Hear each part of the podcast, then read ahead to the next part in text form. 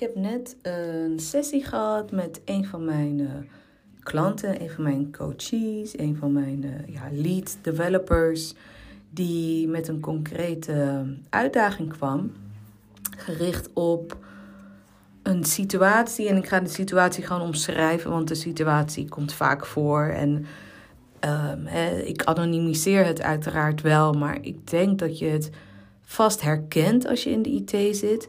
Namelijk, de situatie is zo dat hij zelf uh, merkt dat de opdracht die hij en zijn team hebben gekregen van de klant als IT-team ehm, eigenlijk meer vergt dan wat het team nu doet. Dus hij wil niet alleen zeg maar uh, opleveren wat is beloofd.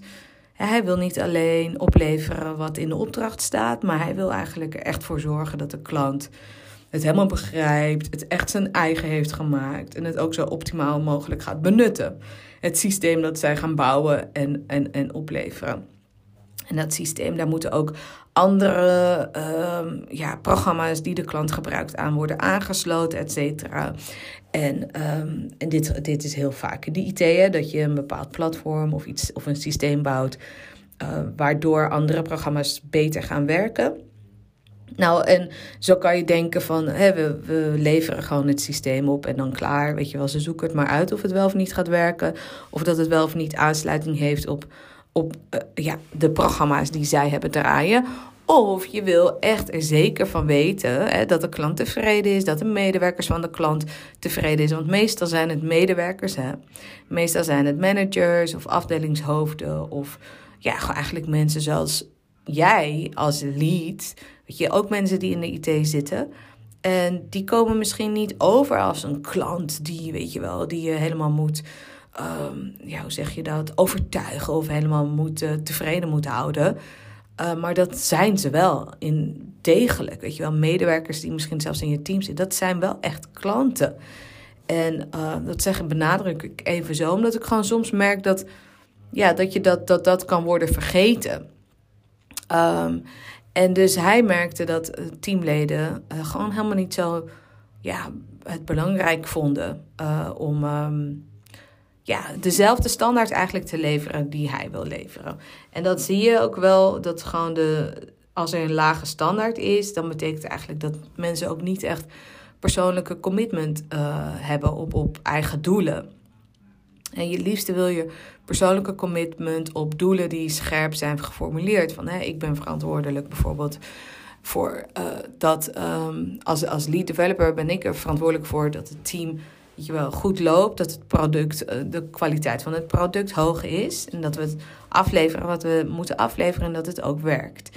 En um, nou, zo heeft iedereen zijn eigen functie en zijn persoonlijke commitment. En ook gewoon natuurlijk op specifieke uh, stories of wat dan ook. Heb je ook een persoonlijke commitment. En kan je natuurlijk worden aangesproken op van hey, ik zie dat je het al een paar weken niet lukt. Hoe zit dat?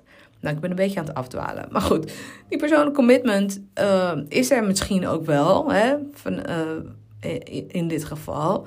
Maar diegene heeft redelijk, nou, een collega heeft een lage standaard eigenlijk als het gaat om wat hij moet afleveren naar de klant. Gewoon, we bouwen het en dan gaan we weer. En dan ziet die klant wel, weet je wel? Of die het wel of niet wil. Nou ja, en uh, dat heeft hij uh, aangegeven in een meeting. Dus hij heeft in een meeting aangegeven van... hé, hey, ja, ik denk dat we veel meer kunnen. Ik denk dat we veel beter kunnen. En um, nou, hij omschreef dat hij het eigenlijk meer vroeg van... hé, hey, wat denken jullie dat onze opdracht is? En toen het, de, het antwoord te vaag bleef... Uh, ja, ik denk, heeft hij niet zo omgeschreven... maar zou kunnen dat hij ja, dacht van... hoe kan het nou? Zo blijven jullie zo vaag? En dat is dus ook vaagheid en lage standaard is vaak gelinkt. Dus als je merkt dat mensen heel vaag het hebben over doelen en wat ze willen opleveren, dan, dan kan je ervan uitgaan dat er eigenlijk ook een lage standaard is. Uh, dus dat is wel echt belangrijk om op te letten. Nou ja, en dus, toen begon hij eigenlijk door te vragen. En eigenlijk um, had hij op dat moment al wat directer kunnen zeggen van... hé, hey, ik denk dat we wel, weet je wel, meer kunnen leveren dan wat we nu doen. En ik zou voor een hogere kwaliteit willen of een hogere standaard. Wat vinden jullie daarvan? En uh, ja, hoe zorgen we ervoor dat we op dezelfde lijn komen? Want dat is natuurlijk wel belangrijk dat je eigenlijk het gesprek gewoon opent van ja, ik ben hier niet mee eens. En het grappige is, en dat merk ik wel vaak, is dat eigenlijk zijn behoefte in het gesprek was om zo objectief mogelijk te zijn. Maar ja, goed, dat is gewoon onmogelijk. Wij mensen zijn gewoon niet objectief. Nooit niet, weet je wel. Alles is subjectief. Dit wat ik nu vertel, de manier waarop ik dit vertel, is super subjectief. En um, weet je, van intonatie tot de woorden die ik gebruik, tot mijn opvoeding en het wereldbeeld uh, dat ik heb, zorgt gewoon ervoor dat alles wat ik zeg, schrijf en doe heel subjectief is. En zo ook als jij in jouw team je eigenlijk iets wilt teruggeven, dan kan je wel proberen het zo objectief mogelijk te doen. Maar who are you kidding? Weet je wel, je kan beter gewoon eerlijk zijn van, nou, ik merk dat ik moeite heb met dat de standaard te laag is. Of ik merk dat ik moeite heb met dat we te weinig betrokkenheid hebben van de klant. En ik wil daar heel graag iets aan doen. Uh, want dat was in dit geval, weet je wel, die wilde heel graag die klant veel meer betrekken. Zodat hij ook zeker wist, nou, dit systeem, dat je wel, zal succesvol worden overgenomen wanneer wij weg zijn. Dat is natuurlijk het uiteindelijke doel. Uh, dat wil je zoveel mogelijk optimaliseren. Dat als je weg bent, dat de klant daar ook gewoon heel goed mee weet om te gaan met het systeem wat je hebt gebouwd. Um, nou ja, en daar zat zijn. Wat hij merkte was dat hij. Ja, eigenlijk uh, de, zijn collega's in de verdediging schoten.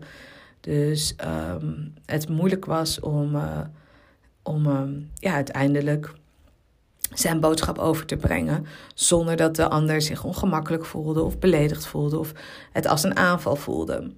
Nou, en, en daardoor, het effect daarvan, en dat is vaak genoeg, is dat je dan dat gaat internaliseren. Dus dat je dan gaat denken van, oh, oh misschien, oké, misschien ben ik ook te ver gegaan. Misschien had ik dat ook beter kunnen zeggen. Misschien had ik ook helemaal niet dat moeten zeggen. Of misschien had ik dat, weet je wel, beter op een andere manier kunnen zeggen. Of et cetera, et cetera. En dan ga je heel erg twijfelen aan jezelf. En dat aan jezelf twijfelen is natuurlijk super logisch. En dit is een punt wat ik heel vaak herhaal, is... Ja, wij zijn sociale wezens. Dus hè, als iemand zich niet, zich niet uh, fijn voelt door jou... mijn excuus. Dan neem je dat enorm persoonlijk. Dat is niet wat je wil. Ik neem even een slokje water. Kan jij even nadenken over wat ik heb gezegd? nee, dus als jij. Um, als jij iets zegt waardoor iemand anders zich beledigd voelt, dan voelt dat. Ja, dan gaat inderdaad meteen het reptiele brein aan. En denk je van: ah oh shit, ik word afgewezen. Oh, ik heb iemand beledigd. Ik uh, zei ook van als uh, een kindje een ander kindje ziet huilen, dan gaat hij automatisch huilen. Dat had ik laatst met mijn eigen zoontje en een neefje. Mijn zoontje was kaart aan het huilen. Toen begon mijn neefje ook keihard te huilen. Super cute. Maar dat, dus als iemand zich door jou uh, emotioneel down gaat voelen, dan trek je jezelf dat gewoon heel erg aan. Dat is hartstikke logisch. Um, en dus het is echt vooral heel belangrijk dat je daar ja, dat accepteert. Hè? Dus daar zit het stukje acceptatie. Dat je accepteert dat als jij iets van negatieve feedback geeft en iemand gaat dat dan. Uh, ja, heeft daar een negatieve gevoel en emotionele lading bij, dat je dat dan accepteert. Uh, in alle eerlijkheid had ik, ik had dit precies uh, gisteren. voor mijn gevoel um, was ik net een grens over gegaan. En ik merkte gewoon dat iemand zich ongemakkelijk voelde. En nou, dat was heel moeilijk voor mij. Want ik ja, was ook gewoon blij met dat ik dat had gedeeld en daar direct in was geweest. Um, alleen het is gewoon pijnlijk. Dus ja, dan moet, dan moet ik daar een stukje acceptatiewerk in gaan doen. Dan moet ik daarna het je voor mezelf accepteren van oké, dit voelt gewoon even kloten. Uh, dat diegene zich daar ook, uh, ja, even overdreven gezegd, kloten over voelt. Viel echt vast wel mee. Maar in ieder geval iets moest incasseren. Um, Oké, nou dan neem, geef ik een plek. Maar uh, ben ik, heb ik het gedaan vanuit een goede intentie? En dat is denk ik de belangrijkste vraag die je jezelf kan stellen. Van oké, shit, die ander voelt zich kloten. In plaats van dat je denkt, oh, ik moet dat oplossen. Ik moet weer vriendjes worden. Ik moet, weet je wel, het terugnemen, mijn punt. Ik moet, weet je, dat zijn allemaal gedachten die dan ook bij mij weer in mijn hoofd gaan spelen. Van oké, ik ga nu uh, het terugnemen. Ik heb het helemaal niet zo bedoeld. Of ik, weet je wel, ga het compenseren met iets anders. Of ik ga helemaal nooit meer feedback geven of iets dergelijks. Maar wat je wil is gewoon eigenlijk check vragen van... hey, deed ik het uit een goede intentie? Ja, oké, check. Um, kan ik accepteren hè, dat, degene, dat, dat de ander zich negatief daarover voelde? En dat dat dan ook zijn of haar proces is om te ervaren. Oké, check is net wat moeilijkere acceptatie, maar wel belangrijk. Want weet je wel, dat ligt bij de ander. En dan wil je niet, en dat gebeurt vaak in een soort van remstand komen van oké, nou dan ga ik nu maar even rustig aandoen. Dan ga ik niet mijn punt doorduwen. Dan ga ik niet op mijn punt acties ondernemen. Dat wil je juist wel. Je wil eigenlijk alsnog, weet je, dat die trein blijft rijden. Dus je wil alsnog acties ondernemen om jouw punt, in dit geval dus dat eigenlijk het klantcontact wordt verbeterd, zodat het systeem beter wordt opgeleverd, et cetera. Daar wil je eigenlijk echt iets mee doen. Um, en dat kunnen allerlei acties zijn. Dat je elk alsnog bij je collega aankaart van... hé, hey, hoe kunnen we dat klantcontact verbeteren? Weet je, ik zeg niet dat, je, dat het jouw handelen is wat helemaal uh, verkeerd is. Maar ik denk wel, ik zie wel vanuit mijn perspectief verbeteringen. Sta je daarvoor open? Wil je daar met mij over praten? Zullen we daar samen aan werken? Um, want daar kunnen we denk ik echt de boel mee verbeteren. Dus dat je wel erbij blijft. En op een gegeven moment wordt het een beetje zeuren. En dan slaat het over in... Oh, oké. Nou, hij, hij meent het wel heel serieus. Want hij blijft erover praten. En dan kom je ergens. Maar als eerst is het echt accepteren dat het pijn doet voor jezelf als jij iemand negatief feedback geeft. En daar hebben we het vaak niet over. Hè? Dan hebben we het vaak over uh, ja, tip, top, tip. Of top, tip, top. Of uh, uh, wat is het? LSD, luisteren, samenvatten, doorvragen. Al die dingen, weet je wel. Of weet ik veel welke andere feedback truc er is. Maar ik denk dat voor mij...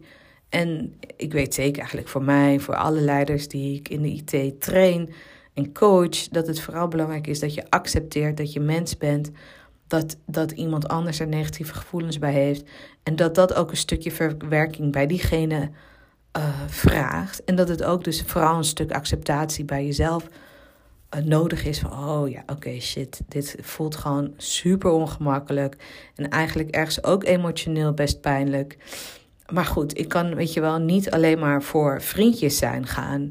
Ik wil verder met dit project. Ik wil beter worden. Ik wil ook de ander gun ik ook om beter te worden. En yes, die leercurve is gewoon niet altijd even positief. In de ervaring. Maar uiteindelijk, net zoals een marathon of zoiets dergelijks, een berg oplopen. Het is niet altijd even prettig, maar als je dan daar op dat punt van de berg staat, dan ben je wel echt super, super blij dat je het hebt gedaan.